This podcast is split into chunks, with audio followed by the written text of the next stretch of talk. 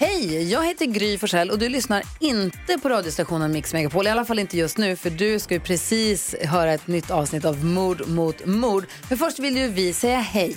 Hej, hej, det här är NyhetsJonas. Det här är Carolina Widerström. Och här är Gullige Dansken. Ja, och så Gry då. Och det vi vill säga att när du har lyssnat klart på den här podden, då får du gärna lyssna på våran. Vi spelar in ett nytt avsnitt varje morgon av våra podd Kvartsamtal.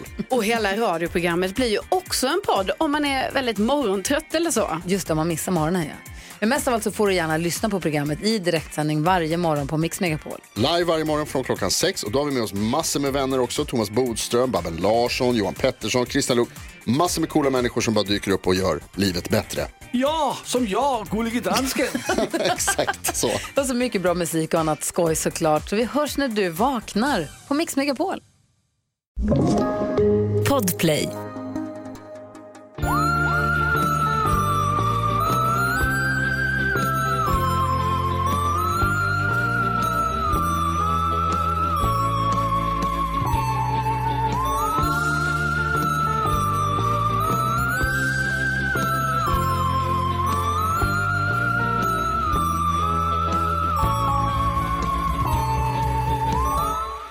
Hur är läget?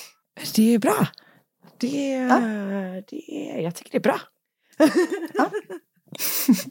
Låter det trovärdigt? När man Väldigt upprepar det. trovärdigt. Eh, ja. Det är bra. Det är, det är toppen. Det är toppen med mig. Eh, hur mår du? Jag mår jättebra. Härligt. Hur, hur känns det för er eh, att vara tillbaka i eh, poddstolen? Mord mot mordstolen? Eh, jo, det känns bra tycker jag. Eh, ja, varje vecka så känns det lika bra. Nästan. Vad tycker du om det här naturliga introt vi har idag? Otroligt. Jag, ska, jag ska säga en sak. Ja. Vi ska ju ses imorgon. Ja, vi ska sända live. Det är ju när, vi, när det här kommer ut har så har vi redan gjort. gjort. det. Så vi hoppas ju att det var Exakt. någon person där. Exakt. Men även om det inte Eh, var det. annars, eh, vi är antingen jätteglada Ja. eller så är vi jättearga. Ja. Men jag kommer vara glad oavsett i och för sig för att eh, det ska bli så himla kul att ses för det var så länge sedan vi sågs. Sist vi skulle ses så var det ju snöstorm så vi och kunde imorgon inte ska det ses. också vara snöstorm. Och jag skulle precis säga det. Och Nej! imorgon blir det igen. Så jag vet inte om det är liksom the Cursed. gods working against us Ja. eller vad det är. Men jag, jag kommer fortsätta, jag är hopp, fortsatt hoppfull att eh, Ja, ja nej, men jag med. Men jag tror att det kan vara så att the gods känner att när vi är tillsammans så är vi liksom för kraftfulla. Förstår du vad jag menar? eventuellt Mm. konkurrens. Mot guden, gud ja. Alltså, de känner det. Exakt. Gudarna känner absolut konkurrens. Det känns ju som att ibland så är det lite grann som att vi gör saker med våran podd. Vi gillar ju verkligen att göra podden, men framför allt så gillar vi ju verkligen eh, varandra. Exakt. Att det, är en ganska stor anledning. Svepskäl. Exakt, en ganska stor anledning att vi gör det typ att man bara, då får vi prata med varandra varje vecka. Att det var Ja. så här, när vi gjorde livepodden i, Göte, i Göteborg var det så här, oh, vi ska gå på Liseberg imorgon. Och sen, bara, in, och, så här, och sen så ska vi på göra en livepodd också. det är inte Men för det är ju mysigt ju. ja det är toppen och det är inte för att vi inte är, tycker bryr oss om våra lyssnare, det är bara det att vi bryr oss så himla mycket om varandra. Exakt. Det är svårt att konkurrera med. Det är faktiskt det. Så är det. Eh, annars då? Något nytt? Eh, nej, men eh, vi, ja, vi har ju dragit igång våran, eh, Musikhjälpen är igång. Eh, vi har igång våran bössa. Eh, Ja. Mord mot mord kan man gå in och söka på på Musikhjälpen bössorna. Så hittar man där. Skänker man genom den bössan så kan man skicka en printscreen på att man har skänkt till våran Gmail. Det är mordmotmord.gmail.com. Skriva eh, ens namn, adress och storlek så är man med och tävlar om ett eh, merch-kit. Så bra. Och vi kan ju säga att eh, kittet kommer komma fram innan jul. Så det går Exakt. att ge bort i julklapp. Så in och skänk pengar eh, för ändamålet, eller liksom ämnet den här, det här året är ju eh, det supersorgliga att det ska behövas. Eh, att barn har rätt till en bättre barndom på flykt. Det är så Här, Hemskt. det är liksom Ja, men det är väldigt fel. viktigt. Världen är upp och ner på att vi behöver ha det, men det behöver vi uppenbarligen. Så in och skänk pengar där eller till Musikhjälpen i allmänhet. Så, eh, och jag är med i eh, buren på Just det. torsdag kväll, alltså torsdag klockan 00. Eh, så natten till fredag, ja, till, så på fredag väldigt, väldigt tidigt morgon då helt enkelt. Då är jag med. Eh, och, Mysigt. så att jag håller på att liksom preppa mig lite grann mentalt för det. Ehm, fam- det, är mycket, det är mycket poddigt nu på ett väldigt Jag typ så här, härligt det sätt. händer mycket. Ja, verkligen. Kul. Eller hur? Vi har ju lite planer framåt du och jag också som vi får återkomma till, eller hur? Ja, det gör vi. Mm, Så En spännande. riktig... eh, been working on something fun for a while but I cannot tell you in Ja- January until January 24. Men eh, absolut Äntligen blev man Karin. influencer. Eh, absolut, vi kommer återkomma gällande det. Det, det. Ni kommer inte bli besvikna. Eller? Det beror Eller? på vad man, det beror helt på vad man förväntar sig. Jag, du hade, du hade, vi hade sånt eko på eller så du hörde inte ens att jag sa eller. nej, nej. Mm. det gjorde jag inte. Eh, men eh, vi får se. Ni kanske blir besvikna eller så blir ni inte det. Eller så bara är det någonting ni förväntar er. Så att Ja. då har vi lagt ribban Då på en vi, lagom nivå. då har vi brasklappat åt alla håll och kanter. Ja. Ehm, har du någonting, eh, har, har du något annat då? My unorthodox life tänker du? Ja, det har ju ingenting med mord att göra. Nej, det är det enda jag tittat på i helgen. Så det var därför jag kom på att jag inte... Men ja, nu har jag sett färdigt hela säsongen. Det har inte jag då. Eh, det är ju den här Netflix-serien om en kvinna som har eh, lämnat ett judiskt ortodox eh, community och gjort en helt sjuk resa där hon har blivit vd på Elite Groups typ. Det är Ja. väldigt märkligt alltihopa. Eh, Det är väldigt märkligt. Men och det är en väldigt- den här det säsongen det- är ju verkligen the shit hits the fan. Alltså jag försökte förklara det här för Marcus, för han kollar inte så himla mycket på, eh, på reality, att jag sa det att det liksom är så speciellt när det blir på riktigt. Förstår du vad jag menar? Alltså att alla liksom, eh, problem i realities, eller, eller inte alla men väldigt många är ju liksom ändå scripted mer eller mindre. Men i den här eh, säsongen av My Orthodox Life så blir det så himla mycket på riktigt. Det, det är ju verkligen, och det är ju verkligen att det sker I realtid typ. i realtid. det, är ja. så jäkla sjukt. Jätte, ja. Så det har jag kollat på och sen så har jag, så jag har jag haft en otrolig tv-helg då eftersom jag delvis har kollat på det och delvis har kollat på White Lotus. Oh, vi har inte börjat titta på den än. Ja, nej, alltså, ja, otroligt ju. Vi började kolla på Harry och Meghan i, eh, igår. Nej, jag kommer inte se den. Nej, man kan ju bara konstatera att man är väldigt glad att man inte är en del av eh, brittiska kungahuset. Typ. Royal. Ja. Det trodde du aldrig du skulle säga det. Nej, faktiskt inte. Nej, men det, det, känns, det, känns, eh, det känns inte avundsvärt alls. Alltså, Nej. jag grät två gånger för att jag blev så rörd eh, när, alltså när, när han pratade om Lady Di. Ja, jag fattar. Eh, Men jag för- tycker i övrigt att det verkar skittråkigt tyvär. Eller, Det är ganska för- tråkigt. ja, Alltså, men för grejen det- är typ att det är så här, om man skulle vilja se en eller du vet, då vill man ju se The Crown om det. Alltså som på något sätt, eller, eller nej, då vill man se en utomstående dokumentär om det. Man vet ju om Ja. att så här, den här har de typ producerat själva, den kommer inte vara Exakt. det man vill att den ska vara. Liksom. För det var precis det Oskar sa, det känns ganska platt typ för att man bara får deras syn på det. Ja, alltså man vill ju typ- höra liksom the conflicting stories. Ja, och man vill höra the dirt och det kommer man Ja. inte få höra för att de ändå är liksom Alltså inte på, på, inte på det sätt man vill. Men, men Nej. så att, jag, jag förstår. Okej men du, ska vi, Vi kör. vi sätter igång va? Mm, bra. Ja. Ett poddtips från Podplay. I podden Något Kaiko garanterar östgötarna Brutti och jag, Davva, dig en stor dos skratt. Där följer jag pladask för köttätandet igen. Man är lite som en jävla vampyr. Man har fått lite blodsmak och då måste man ha mer. Udda spaningar, fängslande anekdoter och en och annan arg rant. Jag måste ha mitt kaffe på morgonen för annars är jag ingen trevlig människa. Då är du ingen trevlig människa, punkt. Något Kaiko, hör du på Podplay. Därför är gardinerna.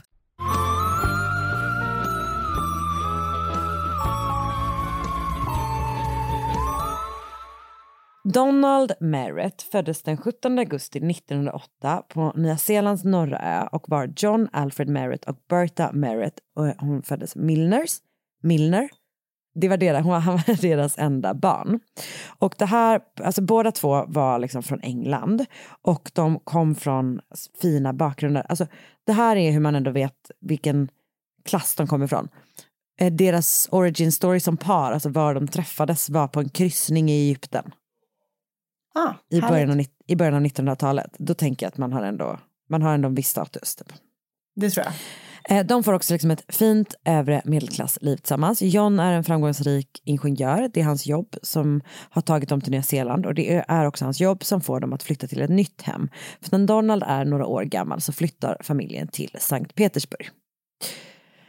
Men Ryssland passar inte Berta. Nähä. Gud, vilken tryck jag hade i hennes namn. Eh, och hon tycker heller då inte att det här är rätt ställe att uppfostra Donald. Så 1913 så flyttar mamman och sonen därifrån medan pappan blir kvar. Och det här händer liksom efter en period då deras Alltså föräldrarnas relation har blivit allt sämre och John och Berta skiljer sig då alltså, och efter det här så träffar Donald aldrig sin pappa igen. Och Berta säger till folk att John har dött i den ryska revolutionen men det verkar som att det inte är så utan att han typ kanske snarare skaffar en ny familj. Typ. Eh, Okej. Men hon säger till alla att han är död i alla fall.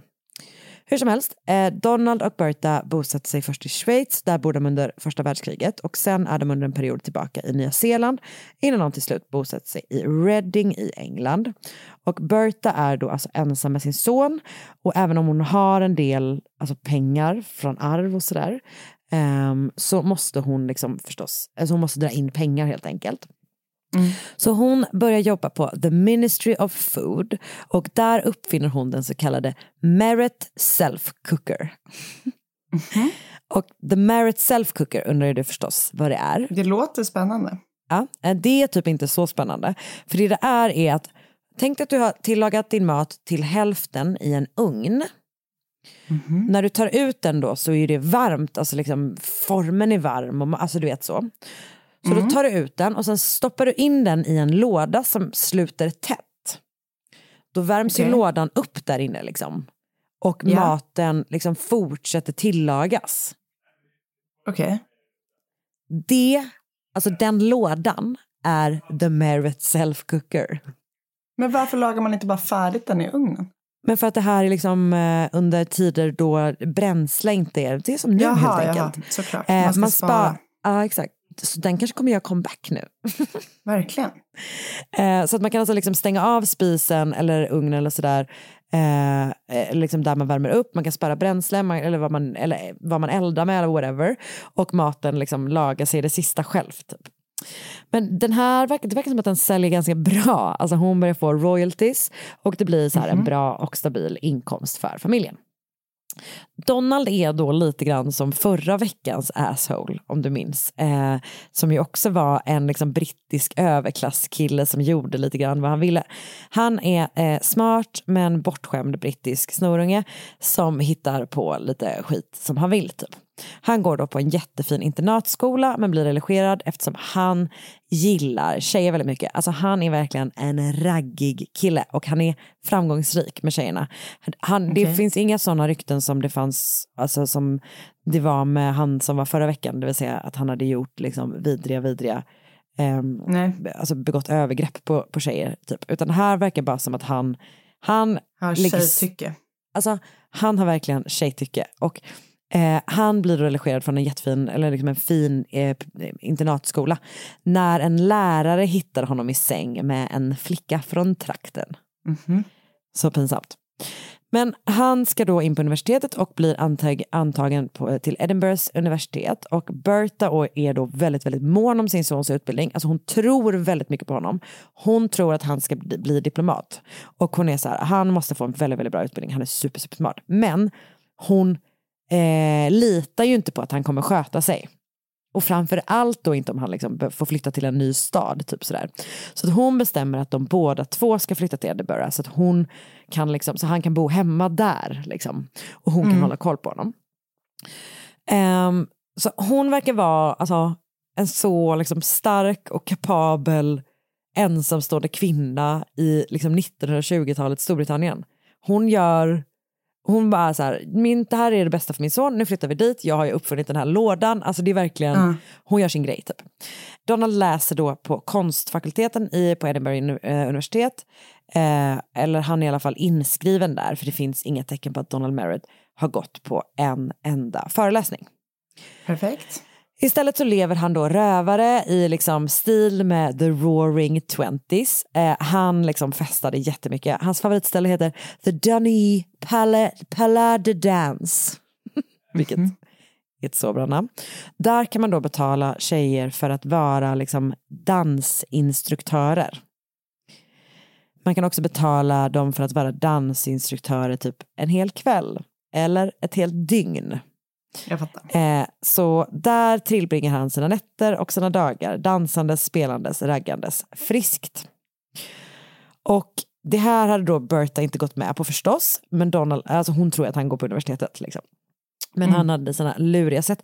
Han hade bland annat eh, ett knep som han ägnade sig åt att han satte, han hade liksom satt upp någon slags rep för ett fönster. Eh, jag tror att han sa typ att han bara, det här det, det slår, står och slår det här fönstret. Typ. Så jag sätter upp det här repet så att, det liksom inte, så att det håller det stängt. Men repet var ju då i själva verket för att han skulle kunna öppna fönstret och klättra ner. Så det känns som att, ja, ja, alltså det känns som att Bertas liksom största problem var att hon verkligen så trodde på skiten hennes son sa. Typ. Hur som helst, han brände stora mängder pengar och det är ingenting som hon heller hade accepterat om hon hade känt till det. Hon hade väldigt, väldigt bra koll på sin ekonomi och hon gav sin son 10 shilling, 10 shilling i veckan. Det är liksom en väldigt liten summa eh, och det räckte då inte till Donalds liv.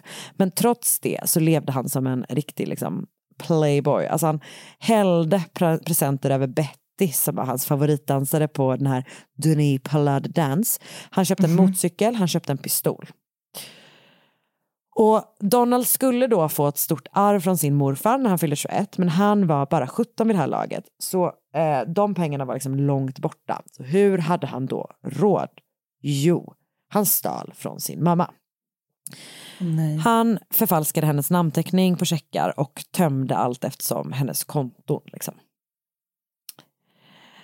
Och han såg alltid till att vara den som tog emot posten på morgonen så att hon inte skulle få typ något brev från banken eller så och få reda på vad som hänt. Men vid ett tillfälle, tidigt 1926, så lyckas Berta få syn på ett brev från banken om att hennes konto är övertrasserat.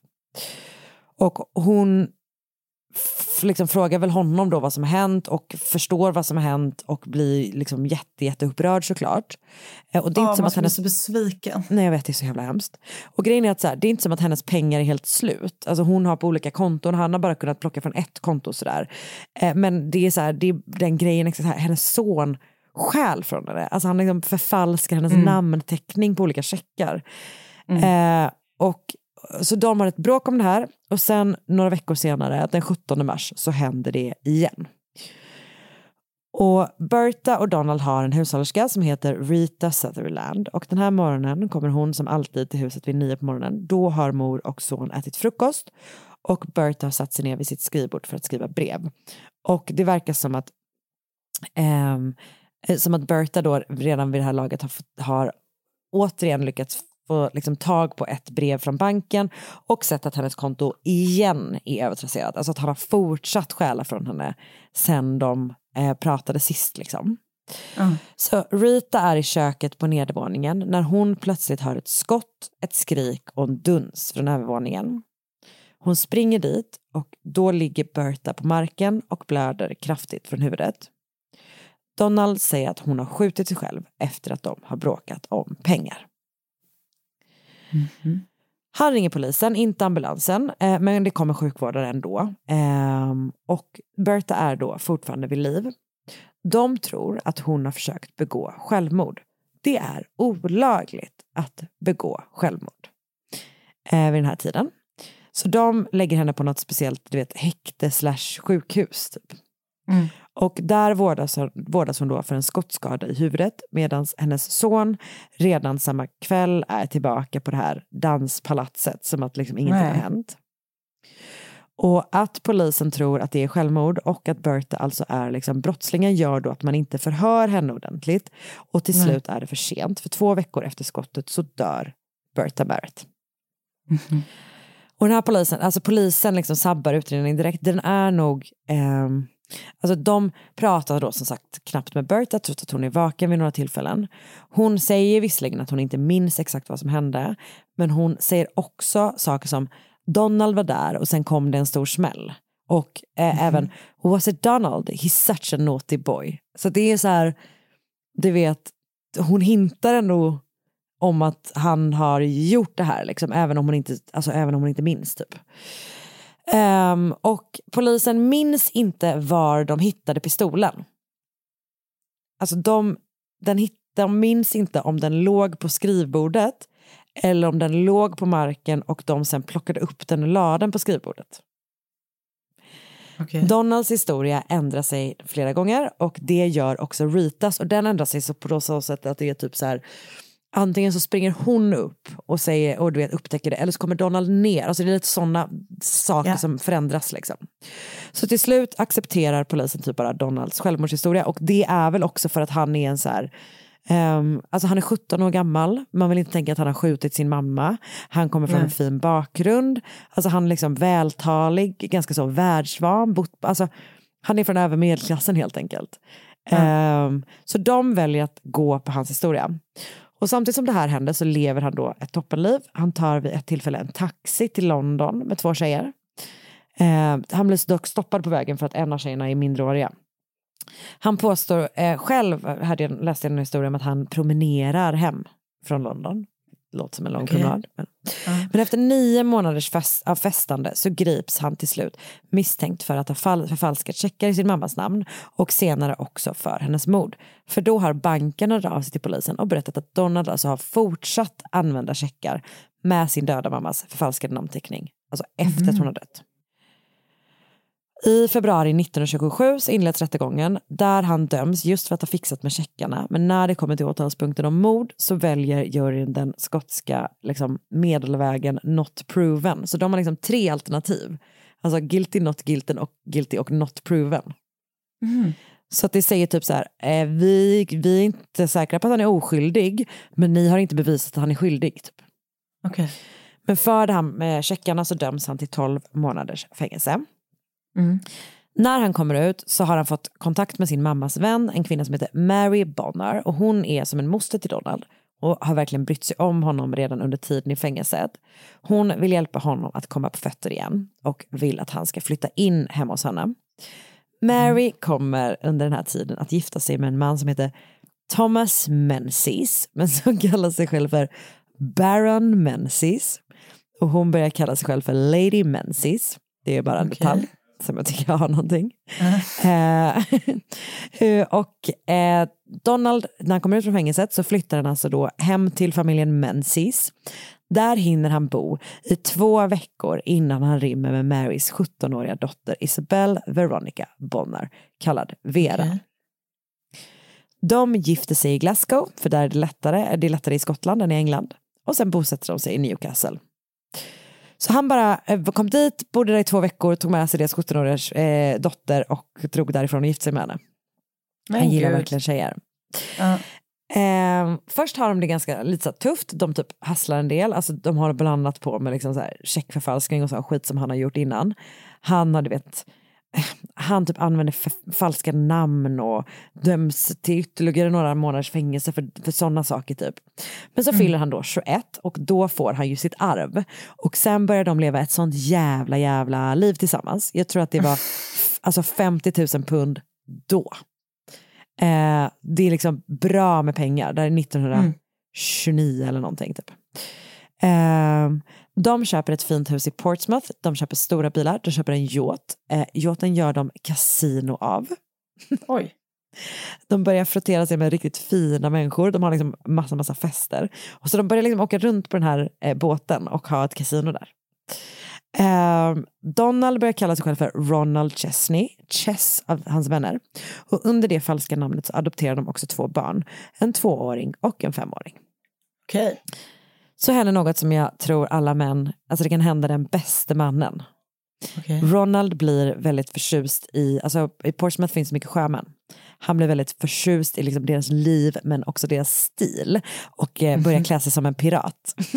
Åh gud. Han är liksom, du vet så stort skägg, eller alltså det känns lite så Kapten Haddock kanske. Alltså lite Ja, den för man stilen när du säger pirat så tänker jag att Du, du då tänker du träben och papegoja. Ja, nej, jag, alltså, min uppfattning är att det kanske är Mer mer, som en eh, sjöbuse typ. Alltså ja, klassisk sjöbuse skulle jag säga faktiskt.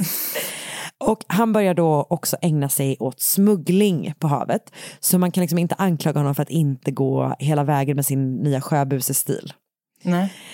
Han smugglar främst cigaretter men även lite vapen och så mellan olika europeiska länder och när andra världskriget börjar så går han med i flottan vilket verkar ha varit lite av en front då för att kunna smuggla så jävla mycket grejer. Ehm, han är liksom den man frågar om man vill ha något under den här tiden. Typ vad som helst från svarta marknaden. Eh, men det sjuka är att samtidigt som han då använder den brittiska flottan som en front för sin smugglingsverksamhet så går det också väldigt bra för honom i militären. Alltså han stiger i grad liksom, i flottan. Till slut är han en väldigt uppskattad befälhavare på en båt i. Medelhavet typ. Ja, alltså han, han är verkligen get you a sjöbuse that can do both. Verkligen. Eh, 1942 så blir han dock tillfångatagen och tillbringar en stund som krigsfånge i Libyen. Det verkar som Okej. att han, det, han, det sker något byte, men han gillar att säga att han rymde. Liksom. Hur som helst, när han kommer ut har Vera bosatt sig i västra London där hon har börjat driva ett ålderdomshem tillsammans med sin mamma Mary. Vilket ju, alltså ett klassiskt case av att glida ifrån varandra tycker jag det känns som. Eh, det känns liksom att hon, som att hon till slut tröttnade på hans skit. De lever inte tillsammans igen efter det här men de har kontakt och Donald har också en livförsäkring på Vera. Oh no. Ja, ehm, men Donald kör då på med sin skit, som vi även trots att Vera har tröttnat på den. Så efter andra världskriget har han sin bas i liksom det söndertrasade Tyskland, där det finns gott om svart marknad och desperata människor att exploatera. 1946 har han enligt sig själv räddat, eller åtminstone blivit ihop med en kvinna som heter Gerda, Ger- Gerda Schaller. Hon är 22 år gammal, han är eh, då, ska vi se, 38 tror jag. Ja, det är han nog. Och hon kommer att vara, de blir liksom ihop och lever tillsammans och hon kommer att vara honom väldigt, väldigt lojal och hänger gärna med honom på liksom lite olika så stöld och bedrägeriturnéer. Alltså du vet de så här, stjäl en Porsche och typ drar runt i Men Europa. kör lite Bonnie and. Clyde. Ja men exakt, lite så. Eh, och efter ett par år med Gerda så skiljer han sig då från Vera och han betalar henne en summa om 8500 pund som hon då investerar i sin liksom, eh, sjuk ålderdomshems eh, eh, verksamhet. Så. Men det blir allt svårare att vara Donald Murrett för han håller på med skit i Tyskland men han kommer också under åren mellan 1945 och 1954 att dömas för smuggling, bedrägerier och annan liksom, liknande skit i Tyskland, Frankrike, Italien, Schweiz och Storbritannien. Oj. Så hela Europa är helt enkelt trötta på honom. Och till slut är då pengarna slut, han typ nekas att åka in i länder överallt och börjar bli desperat. Den 11 februari 1954 så bestämmer han sig för att åka till London och be Vera att lämna tillbaka pengarna han gav till henne. Och jag är lite osäker på hur lång tid det har gått. Eh, men jag tror att det är ett par år. Liksom. Nej men snälla, dra härifrån, Mm. idiot verkligen. Och hon är då inte öppen för det. Så han säger hej då och går därifrån. Men det är då tyvärr inte det sista Vera kommer se av sin exman.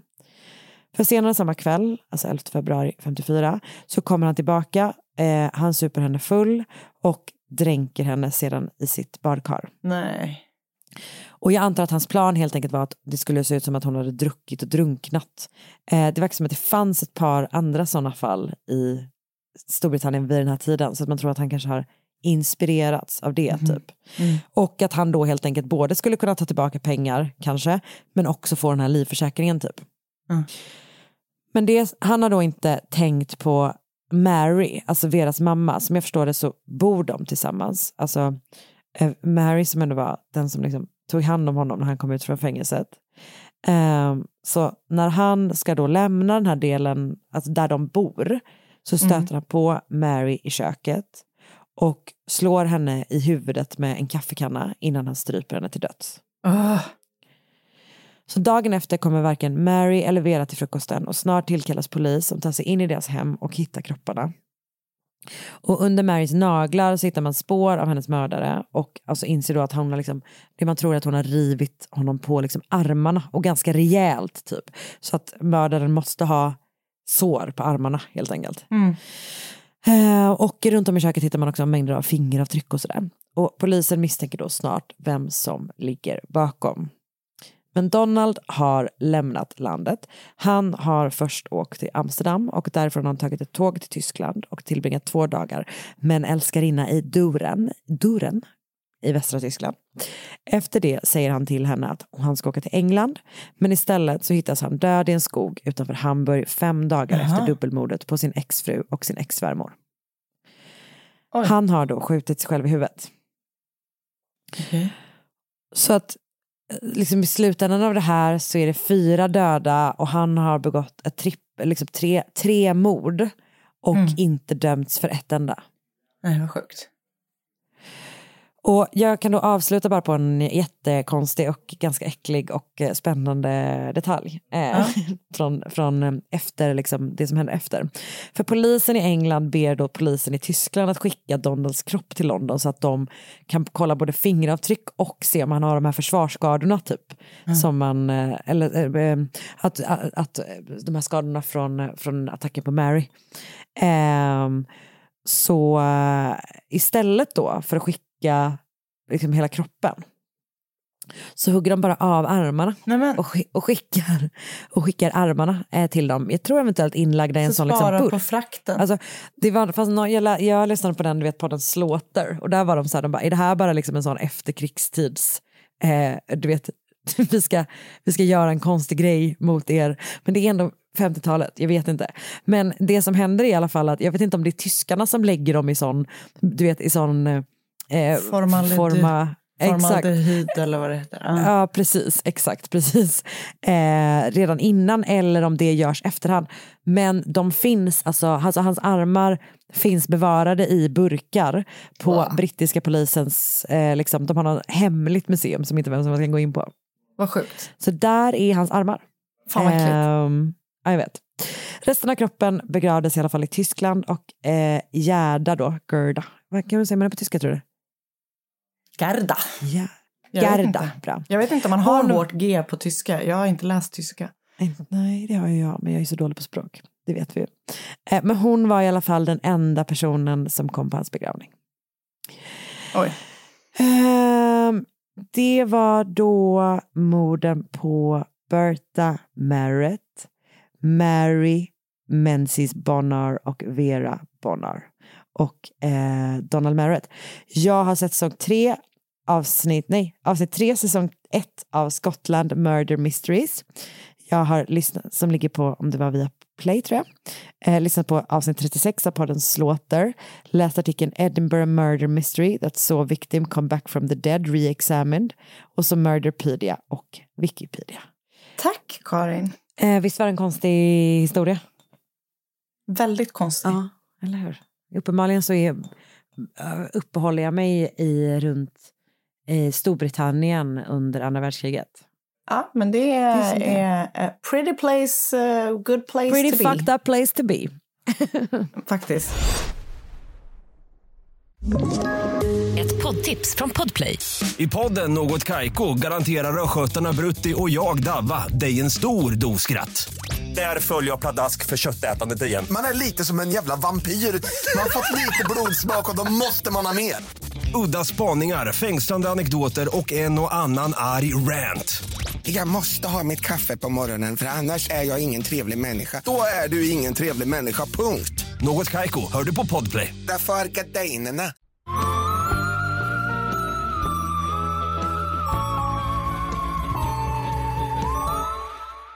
Gilles Duret Mm. föddes i Bretagne år 1404, The fuck? tror man. Det här är ju så sjukt långt bak, men man tror att det var där någon gång, 1404. Jag, jag vet inte, eller, men jag vet i alla fall inte när Nej. under 1404. Nej, det vore för mycket att begära. faktiskt. Hans, eller, Ja. hans föräldrar tillhörde liksom högadeln, så han föddes in i societetens grädda. Säger man så? Grädda? Gädda? Grädda? In i societetens gädda. Det säger man Grä- inte. I gräddan. Alltså säger man inte bara det? I gräddan. I gräddan. Han, Ja. Rakt in i gräddan. Och trots då att han föddes med silversked i mun så hade han inte den enklaste barndomen. För när han var 11 år så avled hans pappa Guy de, de, Guy de Leval efter att han varit liksom med om en tragisk jaktolycka eh, som man tror att Jill bevittnade. Aj då. Så sjukt hemskt faktiskt. Ehm, och inte långt därefter så dog även hans mamma, Marie de Créon, av en anledning som är okänd. Mm. Och man tror att hon har dött. Eller, eller så har hon typ lämnat eller typ, det, liksom hon finns i alla fall inte, man vet inte så mycket vad som har hänt med mamman efter. Nej. För det är ändå 600 år sedan eh, drygt. Ehm, men eh, om hon dog och så vet man inte varför och det känns som att det fanns mycket som kunde döda en eh, på 1400-talet eh, som inte bara var jaktolyckor. Det känns som att det snarare hade varit konstigt om hon levde på 1400-talet. Typ. Alltså så. typ. Ja. Eh, och när då både hans mamma och pappa hade dött så flyttade han in hos sin morfar som uppfostrade honom liksom, och, och såg till att han eh, blev en kar.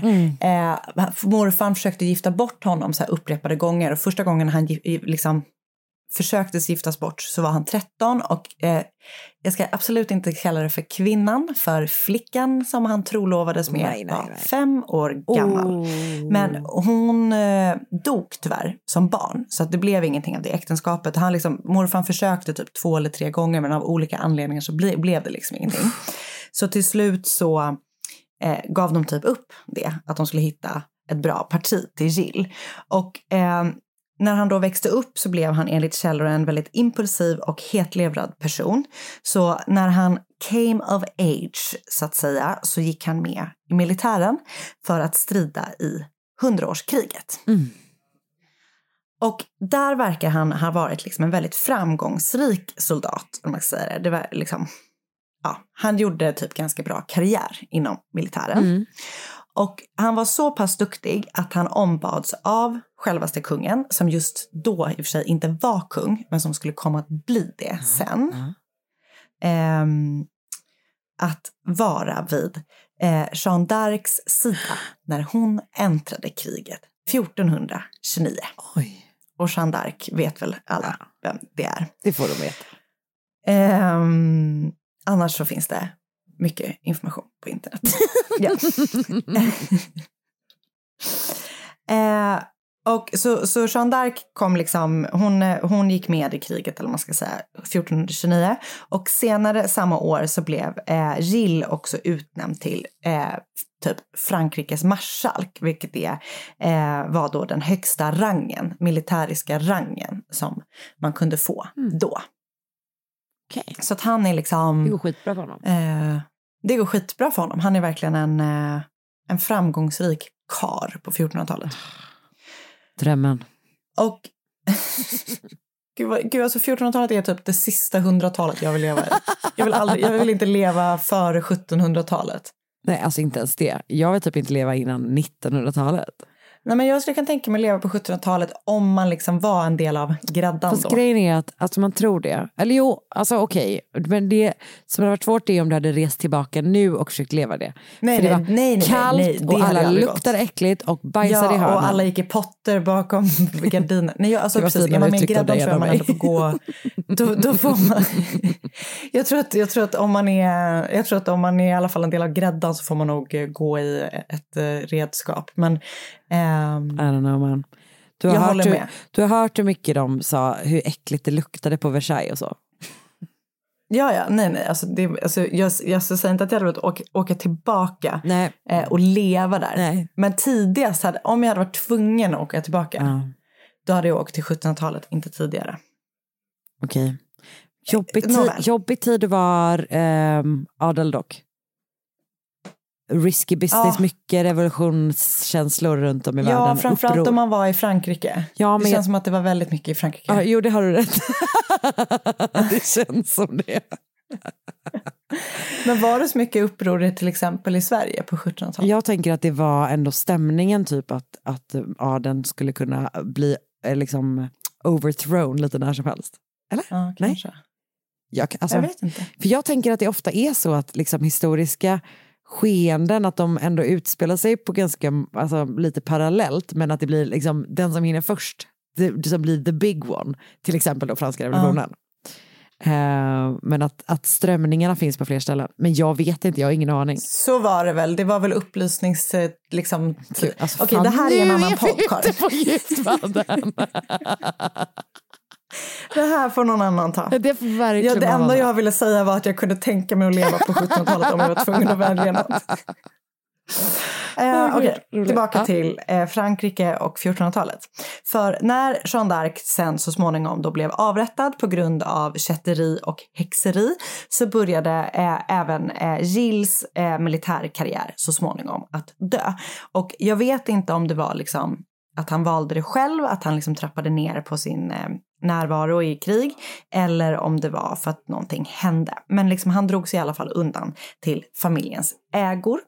Och eh, han och hans familj hade 24 gods runt om i Frankrike. Och där kunde han leva, alltså runt på de här 24 olika, oh. kunde han leva ett liv i flärd. Oh. japp. Vi kommer. Och det verkar som att han hade en riktig sån Marie Antoinette-livsstil. Eh, för han älskade att liksom spendera pengar på fina saker. Och eh, du vet så här, han hade väldigt mycket tjänare hemma. Han hade la mycket pengar på så stora dekorationer. Ehm, och eh, liksom, han, verkar vara en väldigt eh, extravagant person kan man säga. Och för att finansiera då hans dyrbara livsstil så var han tvungen att sälja av delar av familjens ägor. Och det sågs såklart inte med blida ögon på av familjen, men han liksom verkar typ ha varit ostoppbar ändå kring det här. Eh, så han liksom, du vet, han verkar vara helt vårdslös helt enkelt med pengar typ. Och när Jill då närmade sig eh, 30 år så började han tänka mer på vad egentligen som skulle hända efter döden. Han blev mer och mer liksom, eh, fokuserad på religion och tänkte mycket på sin egen frälsning. Och eh, år 1433 så byggde han ett eget kapell på någon av de här 24 ägorna som han, han döpte till, och det här är väldigt löst översatt, eh, typ kapellet för de heliga och de oskyldiga. Och det här kapellet upprättades då, alltså det, det var som till minne av alla barn som beordrades att dö av, eh, av Ah. faraon i Egypten när Jesus, eh, eller När nej, Moses. inte Jesus, fel testamente. När, när Moses, åker ut i eh, vattnet. Vassen. Exakt. För då så skulle ju alla, alla barn under två Herodes. eh, dödas. Kan det vara? Det kan det nog vara. Det kan det nog vara. Återigen en annan podd. Eh, men, men det här kapellet upprättade eh, liksom för att hedra då de här barnen. Eh, vilket kommer att kännas paradoxalt eh, om ett litet tag. Eh, men Oh. I det här kapellet då så hade han också en pojkkör som sjöng och alla de här eh, pojk, eh, pojkarna var eh, liksom handplockade av Jill själv. Och jag vet liksom inte exakt vad som försiggick där, om han hade typ så här, du vet, ceremonier där eller någonting. Men han liksom hade en privat eh, pojkkör Ah. och ett privat kapell. Men det var inte bara kristendomen som väckte Gills intresse, utan han var även inne och nosade lite på det så kallade okulta. Mm. Eh, och det verkar liksom främst från början ha varit för att han ville liksom i ett försök att hantera sin ekonomi som verkligen började gå utför. Och det vet man ju att det är det bästa sättet att göra det på. Alltså hantera ekonomin Ah, genom ah, att ah. vända sig till det ockulta. Ah, ah, ah. Eh, och ehm, det paradoxala i det här är också då att i ett försöket då att rädda sin ekonomi så la han sjukt mycket pengar på olika magiker och eh, liksom alkemister som hjälpte honom att brygga typ olika saker och sådana saker. Ja. Vänta. Eh, och såklart, ja, Det var, jag vill bara säga att det var Her- eh, Herodes var han som ville döda Jesus, inte Moses. jaha, Mm, jag ville bara... Han ville också vad döda. att vi redde ut det. Han ville också döda. Det var ju i det nya testamentet. Så det, man, ja. Ja. Ja, han ville också döda barn, men eh, inte just eh, Moses då, utan ja, senare.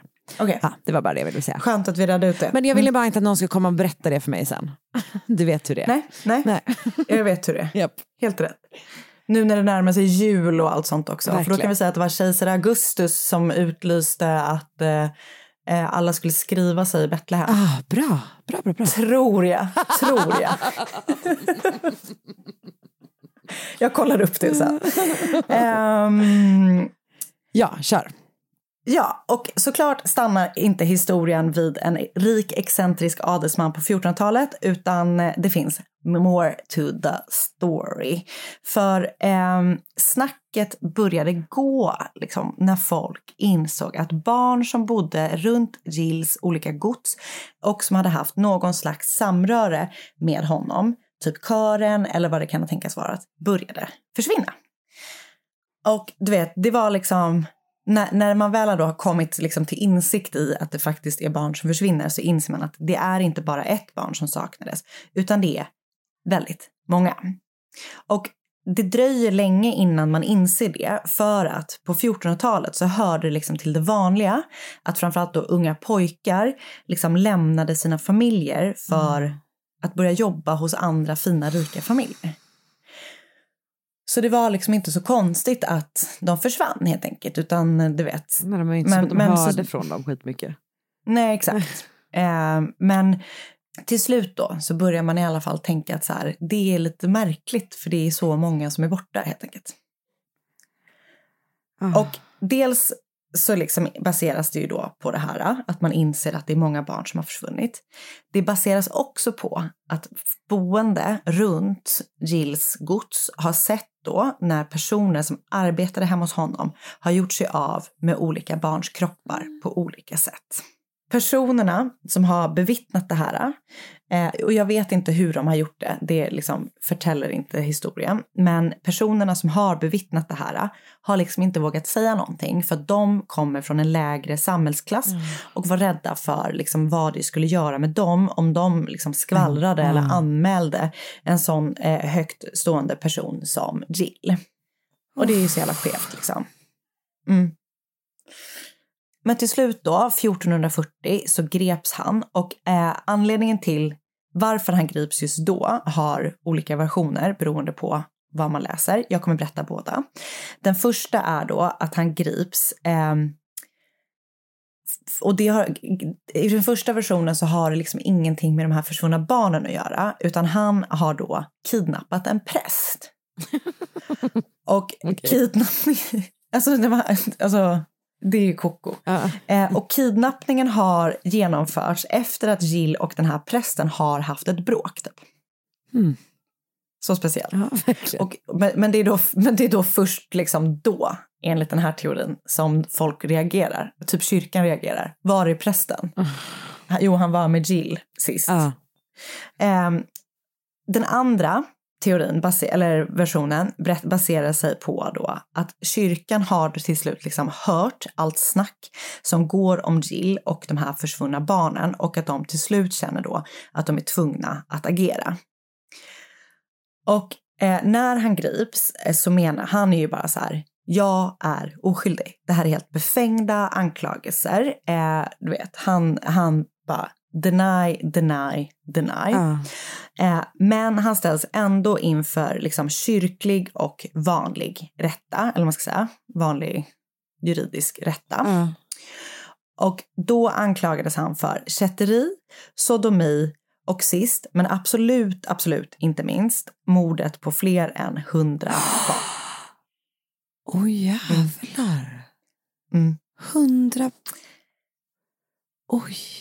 Är det är så sjukt. Och man tror att det kanske snarare är närmre 200. Ja. Det är så Varför då? Eller vad? Hemskt. Nej, men jag ska berätta här. Uh. Jag kommer. Jag kommer. Uh. Jag kommer, Karin. Uh, Ta det lugnt.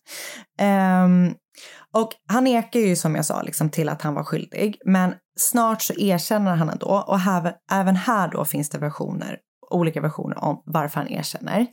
Den ena är då att han hotades med att utsättas för tortyr om han inte pratade och då erkänner han till slut för att undvika tortyren. Den andra grundar sig i att hans gods genomsöktes och då hittades alltså otroligt många kroppar, barnkroppar i latrinen. Alla kroppar saknade huvud.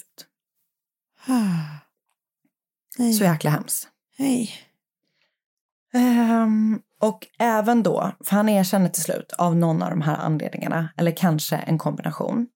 Och även om han då erkänner så hävdar han hävdade han fortsatt att han var en god person och att han endast hade gjort det här fruktans, fruktansvärda eftersom han hade varit besatt av en ond kraft. Just det, jag tror att du var din egen onda kraft, hörru du.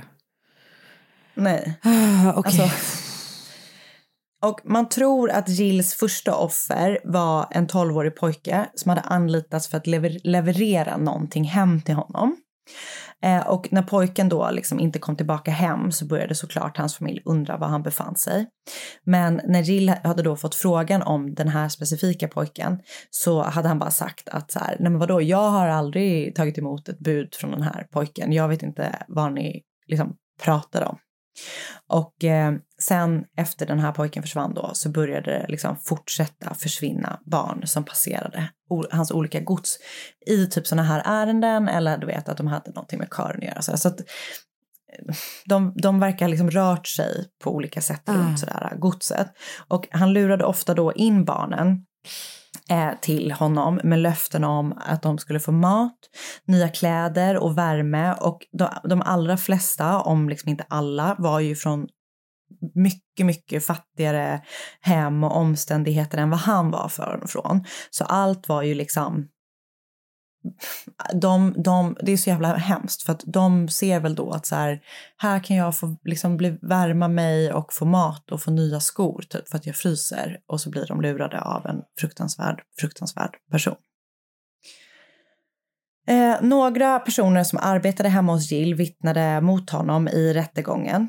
Eh, de berättade liksom helt hemska saker som också ströks ur protokollen på grund av att de var så hemska. Det som de däremot liksom säger eh, som finns kvar i de här protokollen är att de, eh, många av de här barnen som sedan mördades också blev utsatta för sexuella övergrepp innan de mördades. Eh, anledningen till att kropparna hittades utan huvuden var för att Jill hade låtit halshugga dem efter att de mördats just för att försvåra identifikationen av barnen. Det sägs att till en början så utförde han liksom morden på egen hand, men ju längre tiden, eller desto längre tiden gick så skaffade han sig då hjälp med olika saker. Eh, dels då det här liksom att eh, eh, göra sig av med läpparna och sånt där. Men också då fick han hjälp från framförallt två personer som arbetade för honom med att utföra själva morden.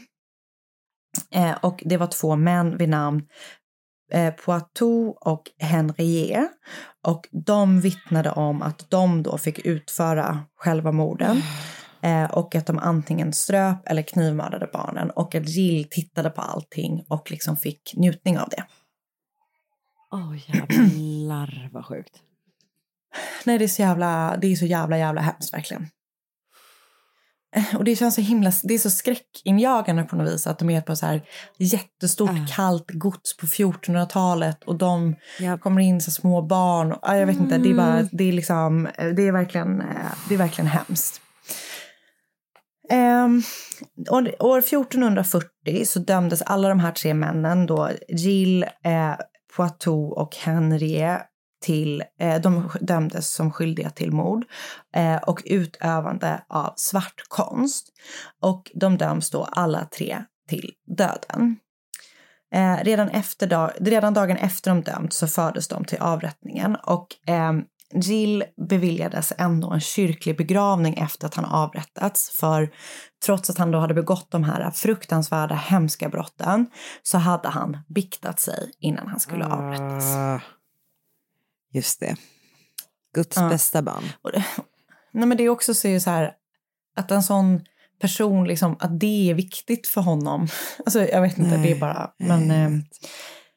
han var den första att avrättades och han bad typ om ursäkt när han skulle hängas eh, och han uppmanade även då hans två tjänare, Henri och Poitou, att de skulle vara modiga ända in i döden innan även de då avrättades efter honom.